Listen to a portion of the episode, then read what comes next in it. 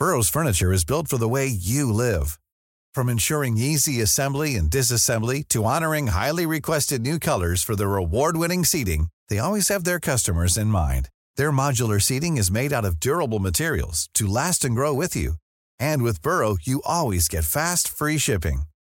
Get up to 60% off during Burrow's Memorial Day sale at burrow.com slash ACAST. That's burrow.com slash ACAST. burrow.com slash ACAST.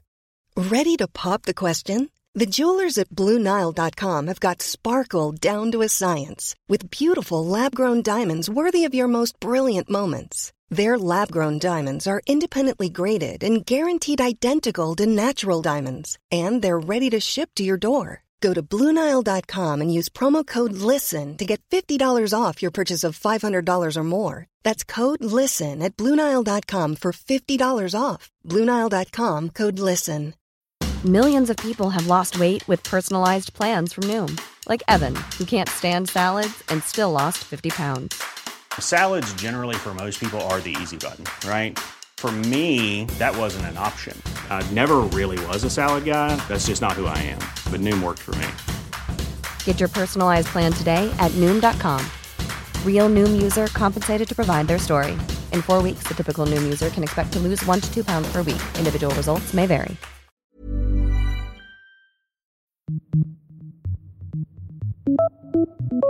Förra avsnittet inledde vi med att prata om vår nominering i tidskriftspriset, kategorin Årets ljud. Det var gala, det var glam, det var något besviken Viktor. Eh, men bara några dagar efter vår inspelning så lyssnade jag på en podd om Quentin Tarantino. Och när jag lyssnade på inledningen av det avsnittet så var det som att dina ord ekade genom honom. Ska få lyssna. Han är 31, har bara en annan långfilm i bagaget men står nu bredbent på scen som en veteran. You know, it, it's funny because um, I never, I never expect to win anything at any festival I've gone to where a jury has to decide because I don't make the kind of movies that kind of bring people together. okay? And you got to find the one movie that, that brought them all together. I kind of make movies that kind of split people apart. Eh, Det som händer här är att han tilldelas filmfestivalen i Cannes stora pris för sin film eh, Pulp Fiction. Eh, Och jag har två frågor. Hur gammal är du? Jag är 29. Okej, ja, då har du två år på dig att vinna ett pris då. Känns bra. Fråga två. Har ni några andra likheter utöver att ni aldrig tror att ni ska vinna ett pris? Nej. Jag försöker komma ihåg hur han ser ut. Han är ju brunhårig. Jag har väl brunt hår. Jag var blond. Det känns som att när jag har blivit äldre gått åt det bruna hållet. Eh, Samma hårfärg. Intergalaktiskt, säsong 2. Intergalactic. Intergalactic. Inter, inter, intergalactic. Intergalactic.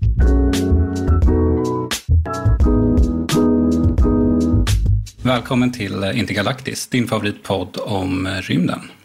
Podden görs av mig, Viktor Krylmark, och av dig, Bill Borå. Hej! Tjena. Vad tycker du om vår nya introlåt? Jag tycker att den är jättehärlig. Det känns som att det är lite mer tempo och lite gladare stämning. Ja, den är riktigt god, jag håller med. Eh, vad har du kokat ihop till oss idag? Idag blir det en liten blandning eh, av två saker. Jag vet inte om man kan kalla det en blandning i och för sig. Det blir helt enkelt två grejer som är svenska och snart kommer vara i rymden. Som vi vet så är ju Sverige ett bra rymdland på många sätt och det är alltid något i rymden tillverkat eller påhittat av svenskar. Så idag så har jag tänkt att vi ska prata om två nya saker som snart är där uppe och har det lite skoj. Härligt. Den första är dock mer eh, människa än sak. Och jag pratar ju naturligtvis om Marcus Wandt. När jag eh, gick på testpilotskolan i USA då hade jag ny teknik som startsida. Mm. Eh, var, så varje morgon när jag loggade in på, och det var en ganska stressig miljö, så var det ändå varje morgon, och hann jag inte så var det varje lunch ändå, så scrollade jag igenom lite. Det var Ja. bra. Ja, någon form av förankring tillbaks till det tekniska Sverige i alla fall. Just det. Så det kanske är det som är det bästa tipset om du, om, till de som vill bli astronauter? Ha- Ja, ja, ny teknik som startsida. Då är det, that's the way. Det där är fantastiskt. tycker också att det är ganska härligt att, att höra mig själv i att jag idag när jag pratar med någon har blivit lite mer bekväm som journalist. Det här var en av de första intervjuer som jag gjorde när jag börjat på heltid på Ny Teknik. Du kan höra en, eh, en, en, en utvecklingskurva som har pågått. Jag, jag tycker det. Um, Jag har också börjat tänka på att vara tyst när intervjupersonen pratar och inte hålla på att avbryta som jag gör i det här klippet också. Men i alla fall, så tidigt som den 10 januari så ska Marcus till rymden. Och han kommer åka upp tillsammans med eh, Mikael Lopez Alegria, Walter Villadej och Alper eh, Gesaravci. Jag är inte säker på något av de uttalen faktiskt. Nej, jag kommer inte, jag ifrågasätter inte. De är i alla fall fyra stridspiloter och de kommer åka upp med Axiom 3-missionen i en eh, SpaceX-raket till rymdstationen. Då. Och Marcus uppdrag kallas inom ESA, den europeiska rymdorganisationen, för Munin. Alltså som Odens korp. Och det finns ju då en till korp, Hugin, och det är namnet på den danska astronauten Andreas Mogensens uppdrag. Och han är uppe just nu i rymden och kommer vara kvar när Marcus kommer dit. Men är det bara, alltså, nu skulle han den där dansken vara kvar, men det är alltså bara fyra stridspiloter som ska upp? Det är ingen liksom, eh, rutinerad astronaut som ska med? Jo, så eh, den här eh, Mikael Lopez Alegria som är eh, en amerikansk-spansk astronaut. Han har varit i rymden flera gånger och han kommer ha kommandot över den här missionen. Han är kapten på deras eh, rymdfärja, eller vad man vill säga. Och det är ju samtidigt flera andra som redan är där och som kommer vara där samtidigt. Det är några kosmonauter och det är några andra astronauter. Då. Och alla har ju olika forsknings eller eh, nationella uppdrag som de ska göra där. Det kan vara lite tillverkning, det kan vara lite sömnforskning som både Marcus och eh, Andreas tror jag håller på med. För det jag tycker är intressant här är ju att Marcus har ju bara varit astronaut i typ ett år. Han blev ju utvald först som eh, reservastronaut och sen har det gått otroligt snabbt. Så jag frågade honom om det på en eh, pressträff som var lite tidigare i höstas. Thank you. Yeah, that's a that's a really relevant question. Uh, yeah, it's been going it's been going really fast. Uh, I feel very confident though, and the training has been good. And just as uh, Mike mentioned right now, um, I, I feel that the focus have been on uh, on making the most important parts first. So I'm doing some when it comes to me, my training, it's a little bit backwards. I'm doing the uh, mission uh, training first, and then we're building on the extra things that I uh, didn't have from European Space Agency in the beginning, and we'll be filling that in.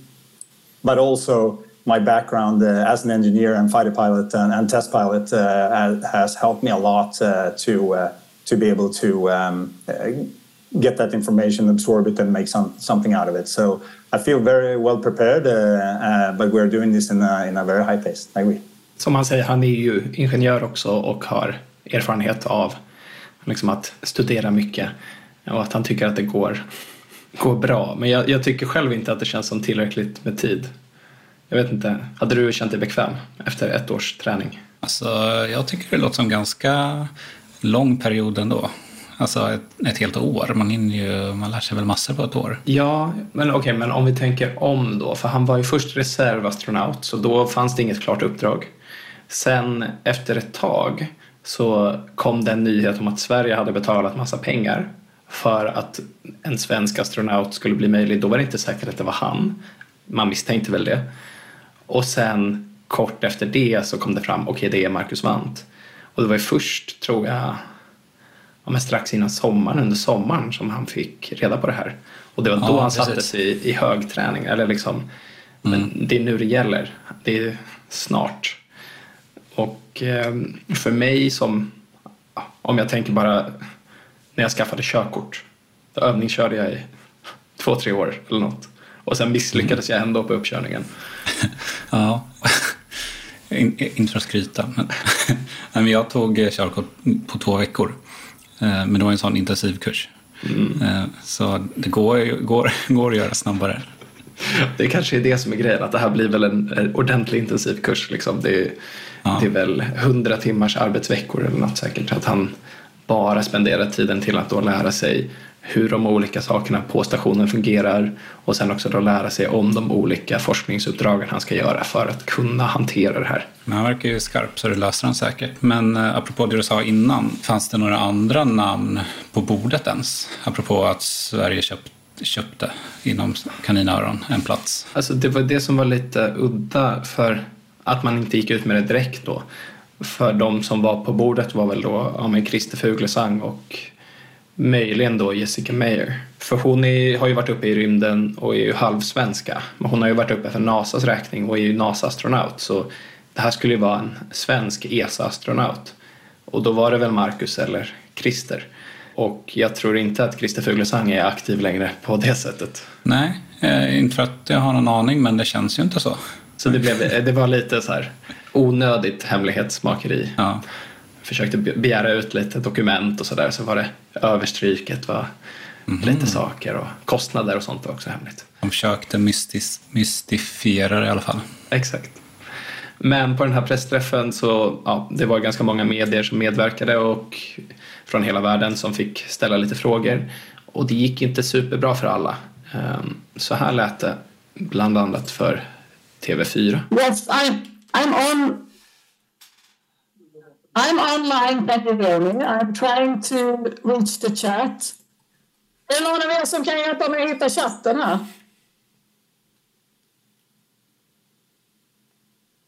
Nej, Nej nu stängde de. Ja, det, det blev lite kaos. Det var ganska roligt när man själv är ja, men en av få som förstår svenska i det där sammanhanget. Ja, jobbigt att inte hitta chatten. Ja, men jag tycker det här är ett typiskt problem som uppstår varje gång det är pressträff med ja, men en internationell sammankomst av medier som är med via länk och det är så sällan som det blir bra. Um, så det var ju inte bara de som hade problem, det var bara det att det var det som var roligast. Ja. Så Kasta jag- TV4 under bussen, det låter bra. Exakt. Men, men efter det här så, så valde jag att inte ställa några fler frågor för att jag ville inte skämma ut mig själv heller. Eh, Annars hade du blivit uppspelad i någon podd. Exakt. Det var det jag kände att jag ville undvika. Men vi har ju pratat med Marcus tidigare. Eh, Och första gången jag pratade med honom, då hade han ju precis blivit utvald.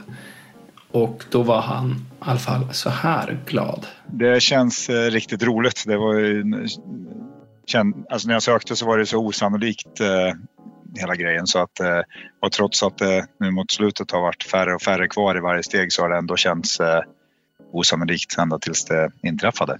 Så det är ju jätteroligt. Jag för mig att det var över 20 000 personer som sökte de här tjänsterna och att det var strax under 20 stycken som blev utvalda. Det är ju riktigt starkt faktiskt. Det är det verkligen. Så ganska roligt för honom att, att ha blivit vald då. Men eh, när vi satt där och pratade så var ju chanserna att åka till rymden ganska små ändå. För han var ju reserv och Precis. han skulle egentligen ha kvar sitt gamla jobb då och jobba heltid där och det var bara om och då ett ganska stort om det öppnade upp sig i framtiden som han skulle vara aktuell för ett uppdrag. Vad var hans gamla jobb nu igen? Han var då eh, testpilot på Saab, eh, flög JAS Gripen och liksom chef över de testpiloterna. Okay. Och det skulle jag tro att han fortfarande är för nu är han inte reserv utan nu är han projektastronaut för just det här projektet. Så när han kommer tillbaka igen efter ett tag så är det projektet klart.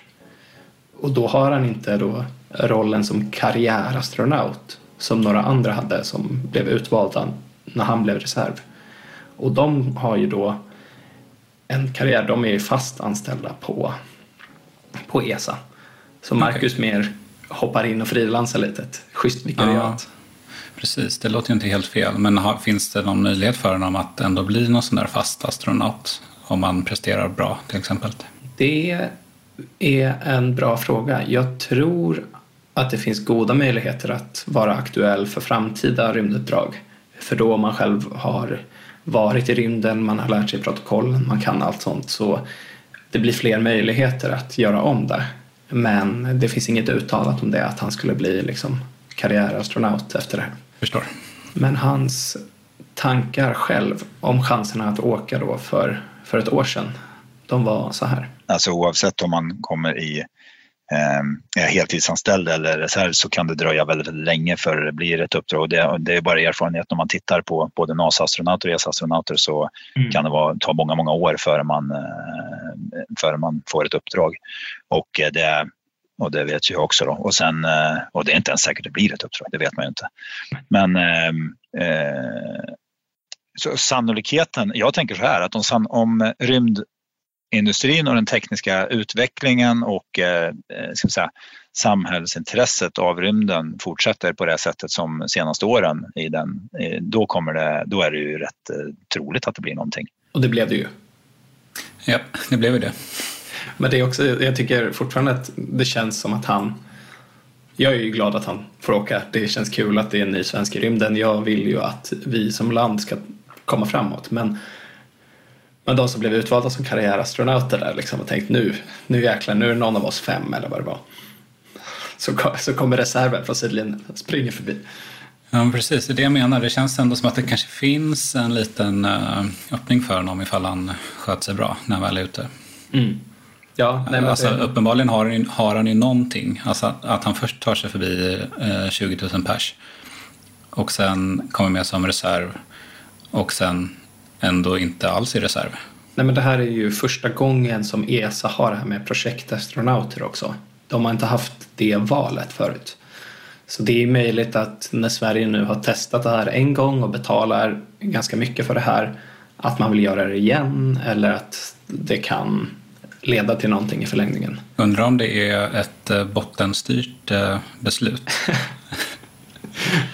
Ja, exakt. Ehm, referens till förra avsnittet med ESAs forskningschef då. Ja. Men det hon sa där var ju att Sverige nu senast höjde sitt bidrag till ESA med 30 procent.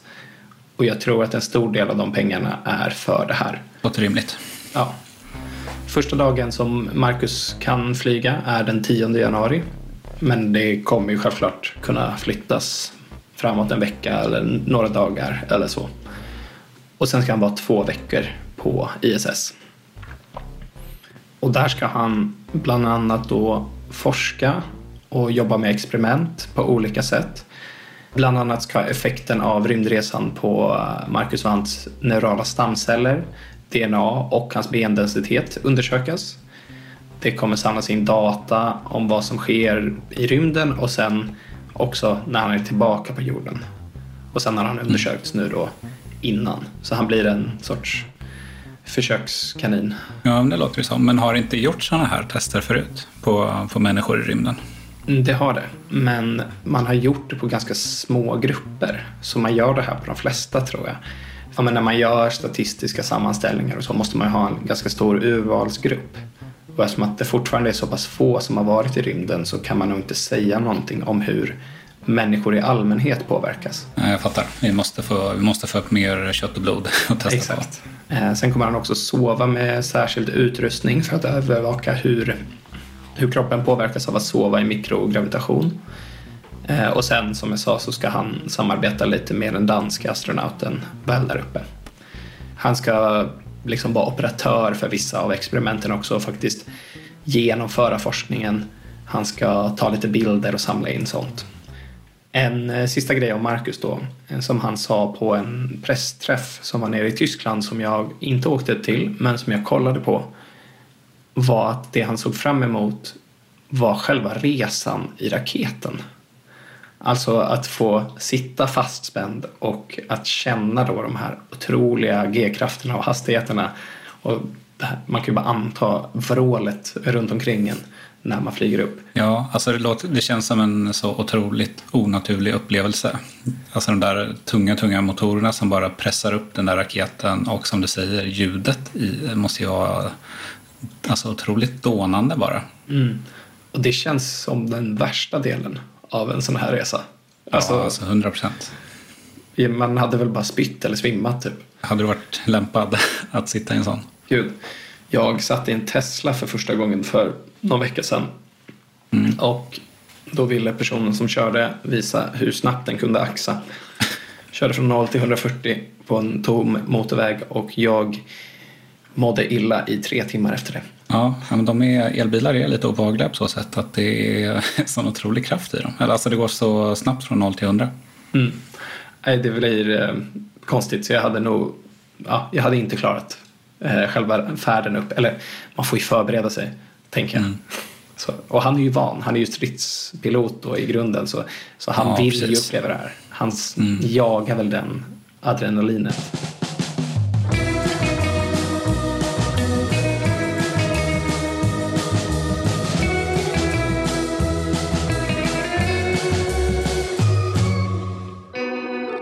Fler saker som ska till rymden då. Det här är en satellit som vi ska prata om nu. Eh, och innan vi börjar prata om den så vill jag bara säga att det här avsnittet släpps den 14 december och vi spelar in det redan i slutet av november. Så beroende på när du lyssnar på det här så kan den här satelliten redan ha skjutits upp eller så ska den göra det i närtid. För i december så ska företaget Ovsons första satellit upp i rymden. Har du hört talas om Ovzon, Viktor? Eh, ja, det har jag ju för att du har eh, babblat om dem på våra redaktionsmöten. Men eh, innan dess hade jag inte hört talas om Ovzon. Men det, jag antar att det här också att det här är ett svenskt företag då? Exakt, så det är ett svenskt företag som håller på med, det kallas Satcom as a service. Så de erbjuder då terminaler och markstationer på jorden som snackar med geostationära satelliter i rymden för att ge dig internet. Ja, lite enkelt och fult förklarat kanske. Men det är i stort sett det de gör och anledningen till att man själv kanske inte har hört talas om det är för att det inte är en produkt för gemene man på samma sätt kanske som Starlink är tänkt. Utan de har använd, andra användningsområden. Så här sa Per Norén eh, som är VD på Opson när vi pratade. Vi är så vana vid att vi, att vi har liksom fem eh, staplar eller fem barer eller vad man kallar det på, på telefonen och, och vi kan göra vad vi vill. Vi kan streama och vi kan, eh, vi kan ringa, kommunicera, texta eller vad det nu kan vara för någonting. Va? Och, eller spela spel, vad man nu är intresserad av. Men det där ska man inte ta för givet heller för vid ett läge där infrastrukturen slås ut så är det enda medlet satellitkommunikation. Så som han säger, det har ju blivit en vana för oss alla att googla någonting när man har en fråga eller diskuterar något i grupp. Alltså det har det verkligen. Jag kan tänka mig att det är något du stör dig på. Nej, alltså det är, eh, jag stämmer inte på det. Jag är snarare kanske största syndaren som Ja. bara kollar upp allt i realtid som man berättar om någonting. Eh, vilket kanske kan vara störigt för den som lyssnar. Så nej, jag har inget emot det. Jag tycker bara det är bra att man säger, ja men nu blir det ju rätt. Nu behöver vi inte det där som du sa, sitta och gissa. Men då försvinner ju hela samtalet. Då, då behöver vi inte sitta och prata. Ja, men då kan man ju prata om något annat istället. Då försvinner ju också det. Man kan aldrig ställa en fråga till någon om någonting som man själv inte kan. För om de då direkt googlar, då känner man sig så dum. För jag hade ju kunnat googla det om jag ville veta det. Jag tänkte, det här kan öppna upp för att någon ska berätta något för mig. Eller säga, åh jag vet inte, vi frågar något till. Så kan det vara, men det är inte så jätteofta som ett samtalsämne är liksom är eh, Coops logga grön.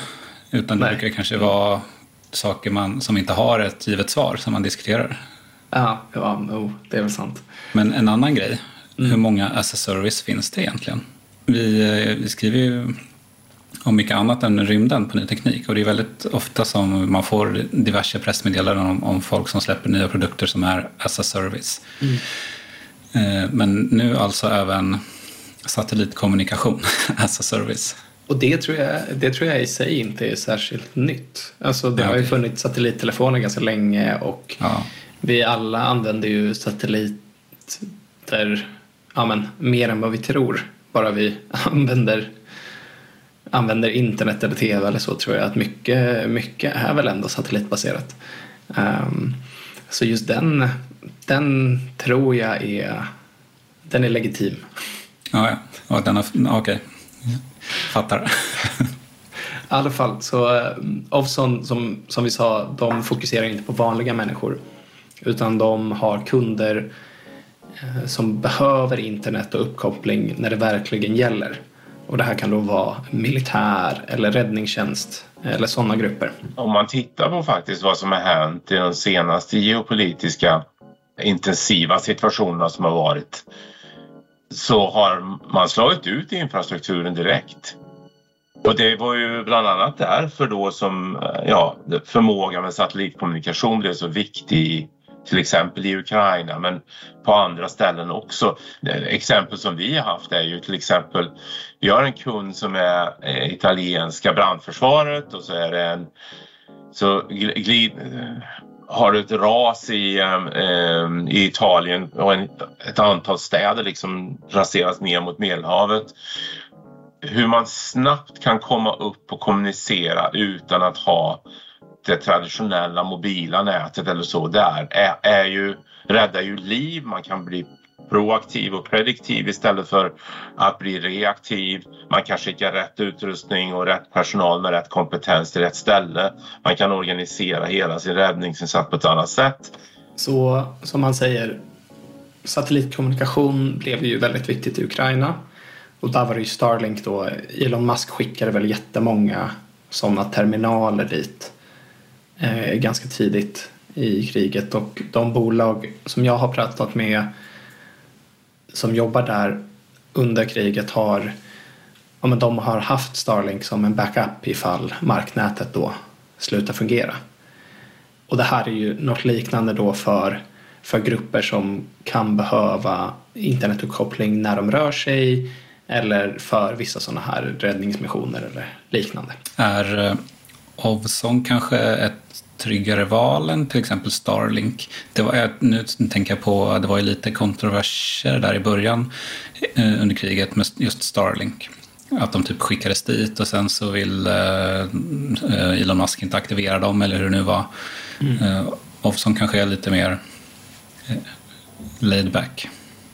Ja, alltså det där det kan jag nog inte säga så mycket om. Jag kan prata om tekniken och vad som skiljer dem åt. Mm. Och så kan man ju också säga att Elon Musk, eftersom att han verkar styra allting väldigt där verkar det ju inte vara då bottenstyrt utan där känns det toppstyrt. Ja, 100%. Eh, och faran med det kan ju bli att en person får väldigt, väldigt mycket eh, att säga till om i geopolitiska situationer. Säga vad man vill om det, det kan ju bli fel helt enkelt. Mm. Men det som skiljer de här åt är att satelliterna som Ovzon fram tills nu då har hyrt in sig på, för de har ju då inte haft några egna satelliter i rymden. De är geostationära. Och det innebär att de satelliterna är relativt långt bort och när jorden roterar så har de en omloppstid runt jorden som gör att de ser stationära ut från oss. Så om du står och kollar mot den så kommer den att förbli där hela tiden. För den ah, okay. snurrar tillsammans med jorden. Ah, ja. Elon Musks Starlink eh, och även andra sådana här megakonstellationer som byggs som OneWeb och den kommande Amazon-konstellationen Kuiper. De är i låg omloppsbana. Och de rör sig. Och då, när de rör sig, så innebär det att man måste ha många, många fler satelliter. Och din terminal på marken måste kunna byta mellan de här satelliterna och satelliterna måste ibland kunna snacka med varandra för att du ska kunna ha, fortsätta ha uppkoppling. Medan om du har en satellit längre bort så kommer den vara stationär och då räcker det att du egentligen har en. Och då kan du snacka med den. Men eftersom att den är längre bort så kan det ta det måste väl vara så att det tar längre tid för din signal att nå satelliten och komma tillbaka? Ja, det måste det ju vara. Men jag tycker typ att det låter bättre att ha en än att ha en hel svans av satelliter eh, ja. i, i lågt omlopp. Det är lite olika liksom, approachar man kan ha. För en geostationär satellit, den som Ovzon tillverkar, den kan täcka ungefär en tredjedel av jorden. Liksom en satellit. Så de har planer så här tror jag på att skicka upp tre till fyra stycken. Den första nu eh, i december då den byggs av eh, bolaget Maxar utifrån ja, Ovsons krav och specifikationer. Men det kommer då bli som en sån här gateway eller en sammankopplingspunkt för telekommunikation. Slås infrastrukturen ut så kan kunderna använda satelliten för att säkert då kommunicera mellan olika som då är uppkopplade till den här eller terminaler direkt på jorden mellan varandra. Medan som du säger, om man har jättemånga satelliter då dels så tar det ju det blir mer satelliter i omlopp. Det, det stör ju redan nu eh, astronomer och så när det är massa då, svansar som dyker upp i bilder. Det finns väl ett problem i att kommunikationen ja, om något händer med en satellit och den inte längre är där, vad händer då när det kommer? Det, kan, det känns kaosigare på något sätt. Vet du hur, eh, hur stor upptagningsyta till exempel Starlink har? Då? Om eh, Ovzon hade typ en tredjedel så va, av jorden? Ja, så, eller Ovzon har, de hyr in sig på andra satelliter just nu. Så Ah, ja. de, de har ju tillgång till överallt tror jag. Eh, Men eh, Starlink har inte riktigt global täckning än. Jag tror att de inte har fått till det helt uppe och nere, alltså vid, vid polerna. För att jag har för mig att de här polära satelliterna som behöver gå i andra banor var svårare att få till och att de inte riktigt har löst det. Ehm, Men det var ett tag sedan som jag pratade med en, en kille om det här som jobbade på något sätt med rymden och var insatt i det. Så han får väl vara expert, en anonym expert i det här läget. Han sa att Starlink då hade svårt att nå över Gävle och kommer fortsätta ha det. Jag kommer inte ihåg alls varför. Så polerna börjar strax norr om Gävle? Exakt, där över Gävle så då är det Nordpolen. Det är inte jättelångt från Stockholm ändå. Jag har ju flyttat till Malmö så jag är safe. Ja. I alla fall så är det ju så att eh, det här som sagt kommer vara några få satelliter och det kommer inte vara lika många som i de här megakonstellationerna. Eh, Och det finns väl för och nackdelar med båda de här. Men Starlink, som alltså är en SpaceX-grej, kan man väl ändå då koppla lite till Ovzon eftersom att SpaceX också har alla raketer som används idag i stort sett. Ja, det är det. Och även Ovzon kommer då skjuta upp sin satellit med, eh, med en SpaceX-raket. Europa har ingen launchkapacitet då. Det kan man ju vara lite kritisk mot faktiskt och säga att men vad hände i planering och förmåga liksom där om man nu har ett race to space liksom. Men däremot så har ju, har ju SpaceX det och då har de ju lite monopol på det också. Det finns andra launch providers också men det finns ju ingen som har den typen av statistik och förmåga som, som SpaceX nu har. Då. Det gör att vi känner oss, ganska, vi känner oss komfortabla. Men de har alltså eh, eh, nästan ett litet monopol nu då, SpaceX? Ja, nej men exakt. Eh, det är ju väldigt många som använder sig av dem för att de andra raketerna som utvecklas tar tid. Så de, de drar nog in stora pengar på att vara en sån launch provider. Samtidigt som de bränner ju pengar också. De spränger ju många stora raketer eh, till höger och vänster i lyckade uppskjutningar så att säga. Precis, vi pratade ju faktiskt om det eh, häromdagen apropå Starship-smällen där. Att det är typ ingen annan som har den taktiken, eller vad man ska säga, när de håller på och testar eh, ja, med rymdraketer och det där. Mm. Att skicka upp och smälla dem. Utan att man gör en massa labbtester och sen testar och ja, oftast så går det väl lite bättre att det inte blir den typen av explosioner.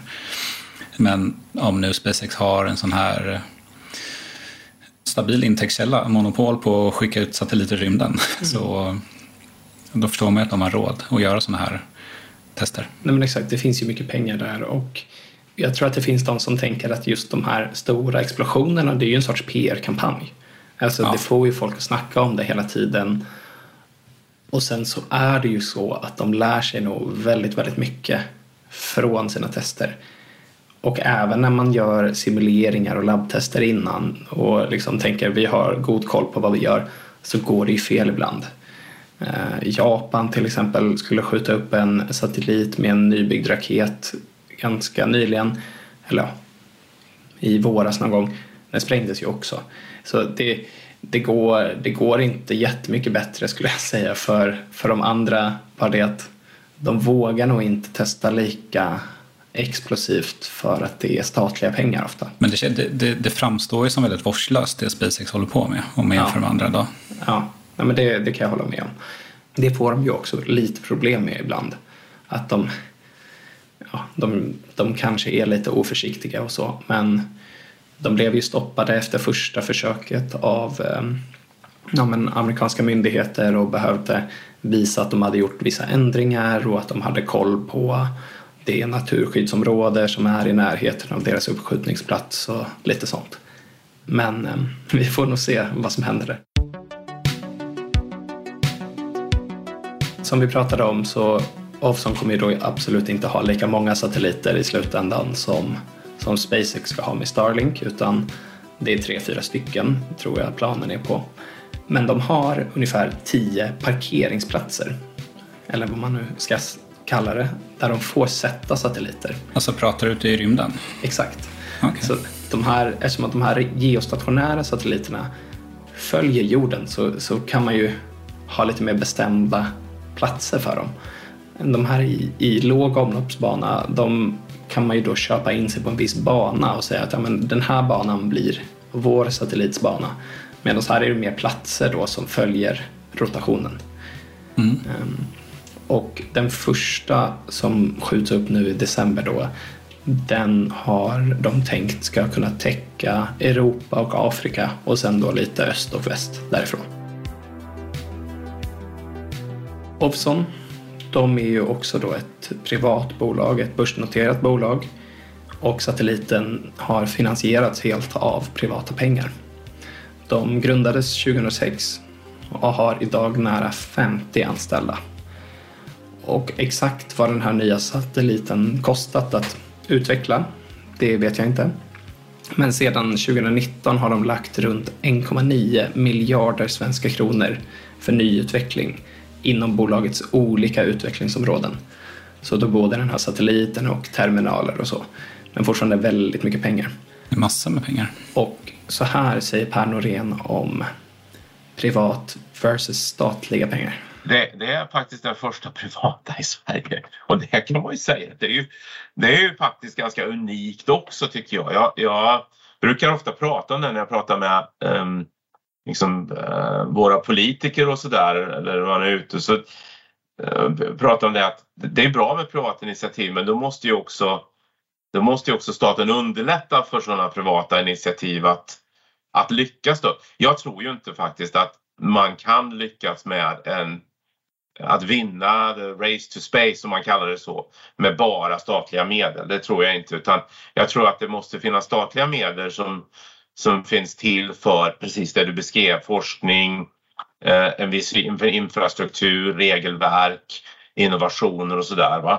Men jag tror också att man, eh, det måste finnas privata initiativ som, som driver den här typen av innovation och förmåga också. Men det är ju inte att det är lätt alltså. Ja, alltså det finns väl en, en konflikt där i just det här som vi kommer in på ofta. Privat versus statligt finansierat i rymdbranschen. Och det ena, alltså det privata känns som att det ofta kan gå mycket snabbare. För att man inte har lika mycket då offentliga upphandlingar eller sådana delar. Och att man inte då gör det för forskning utan att man gör det för att tjäna pengar. Ja, men precis. Eh, Det känns också, alltså bara känslan nu då, med om man eh, slänger massa privata pengar på massa olika initiativ så blir det också, eh, om man pratar liksom problematik med rymdskrot och allt sånt där, att det blir sån, ja, svårt att hålla ordning i rymden, eller vad man ska säga. Mm. Mm, Ja. Det, det, jag tänker att det kan finnas en poäng i att det finns, behöver kanske i och för sig inte vara statligt, men att det finns, och det gör det väl redan, någon som, det måste ju vara någon som bestämmer hur det ser ut i våra omloppsbanor och så här, eller? Alltså, det finns ju inte idag. Det finns ju inte liksom någon direkt reglering där, men det är ju något Ah, som okej. väldigt många vill utarbeta. Mm. I första säsongen så pratade vi med Christer Fuglesang, tror jag, om det här. Och han pratade ju om att ja, men det saknas rymdlagar som reglerar den här typen av verksamhet. För de enda bestämmelser som finns, de skrevs för väldigt länge sedan och nu när företag har börjat se en marknad så har man egentligen ganska fritt fram att bygga megakonstellationer som Starlink, OneWeb eller Kuiper. Mm. Men du, en fråga om Ovzon. Var, var i Sverige sitter de? De sitter i Solna. Okay. Men de har också då kontor i USA.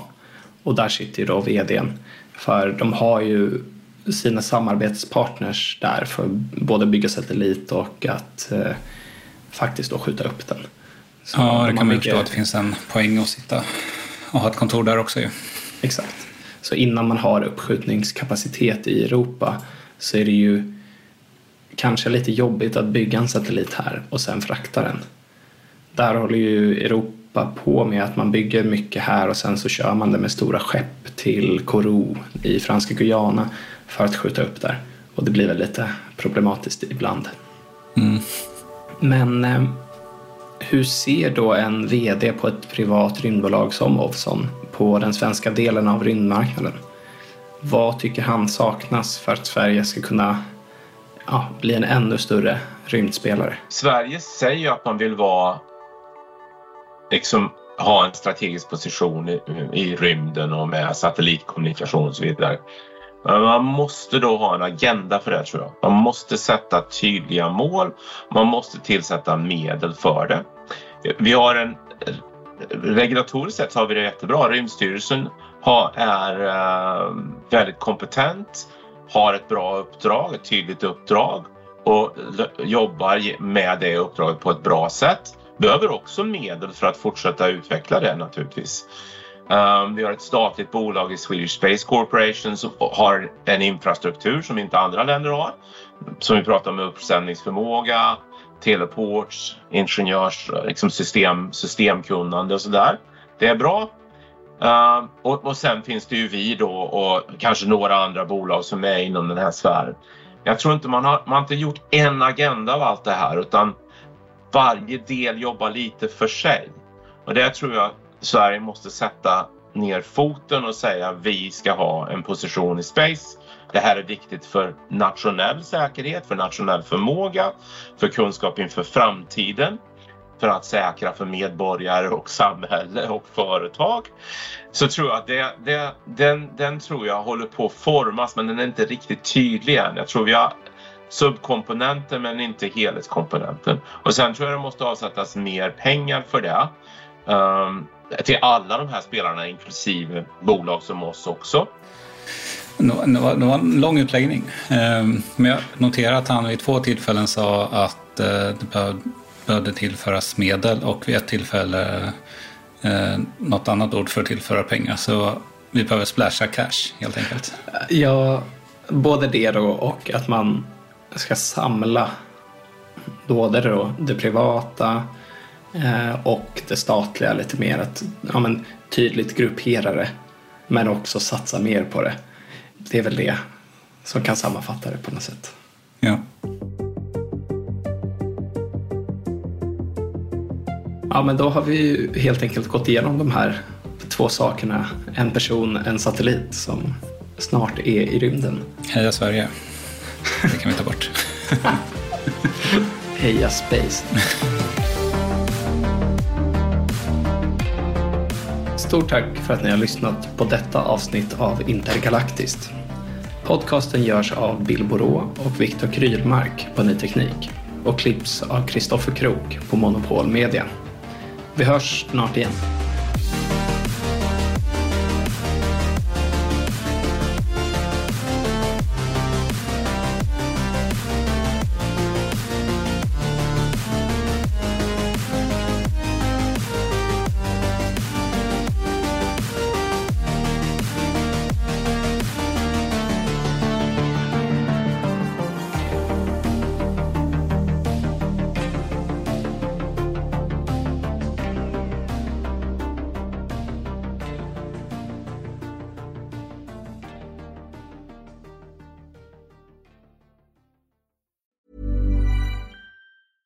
Hi, I'm Daniel, founder of Pretty Litter. Did you know cats tend to hide symptoms of sickness and pain? I learned this the hard way after losing my cat, Gingy. So I created Pretty Litter, a health monitoring litter that helps detect early signs of illness by changing colors, saving you money and potentially your cat's life. Pretty Litter is veterinarian developed, and it's the easiest way to keep tabs on your fur baby's health right at home. Go to prettylitter.com and use code ACAST for 20% off your first order and a free cat toy. Terms and conditions apply. See site for details.